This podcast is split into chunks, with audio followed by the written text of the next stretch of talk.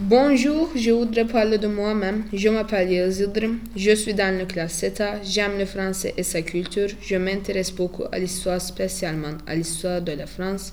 Ma présentation est sur ce sujet. Le français ont beaucoup de symboles de la République. Vous êtes prêts à apprendre ces symboles? Alors c'est parti. On commence bien sûr avec le drapeau français. Le drapeau français. Vous avez déjà les couleurs du drapeau français, bleu, blanc et rouge. Selon les pays, les cultures et les époques, les couleurs signent des scènes différentes. Par exemple, le blanc, c'était la couleur du roi.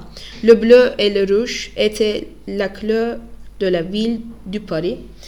La devise, ces trois mots sont la devise de la République française. Ensemble, ils représentent le valeur, on pense que chacun d'entre nous libre et l'égalité avec les autres. Ces valeurs font la fierté et les représentent partout dans le monde. Marianne, elle apparaît sur le thème poste et sa statue se trouve dans toutes les maris de France et elle porte toujours un bonnet. Mais qui est cette Marianne? Marianne est le visa choisi pendant la Révolution française pour représenter la liberté et la fête nationale du 14 juillet. Le 14 juillet, c'est le jour de la fête nationale. Il y a des feux d'artifice partout en France. On le fête en mémoire, mémoire du 14 juillet 1790 un an après la prise de la Bastille, le début de la Révolution française, le 14 juillet, c'est un jour férié. La Marseillaise. L'hymne national de la France commence avec ces paroles. On entend dans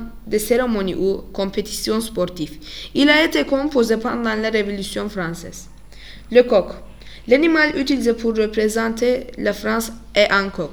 Ce qui habitait là était appelé Gaulois en latin gallus, veut dire de la veut dire à la fois coq et à la fois gaulois.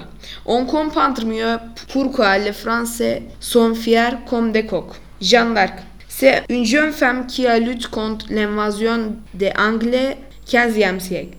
Elle est morte brûlée à l'âge 19 ans. Merci de votre attention.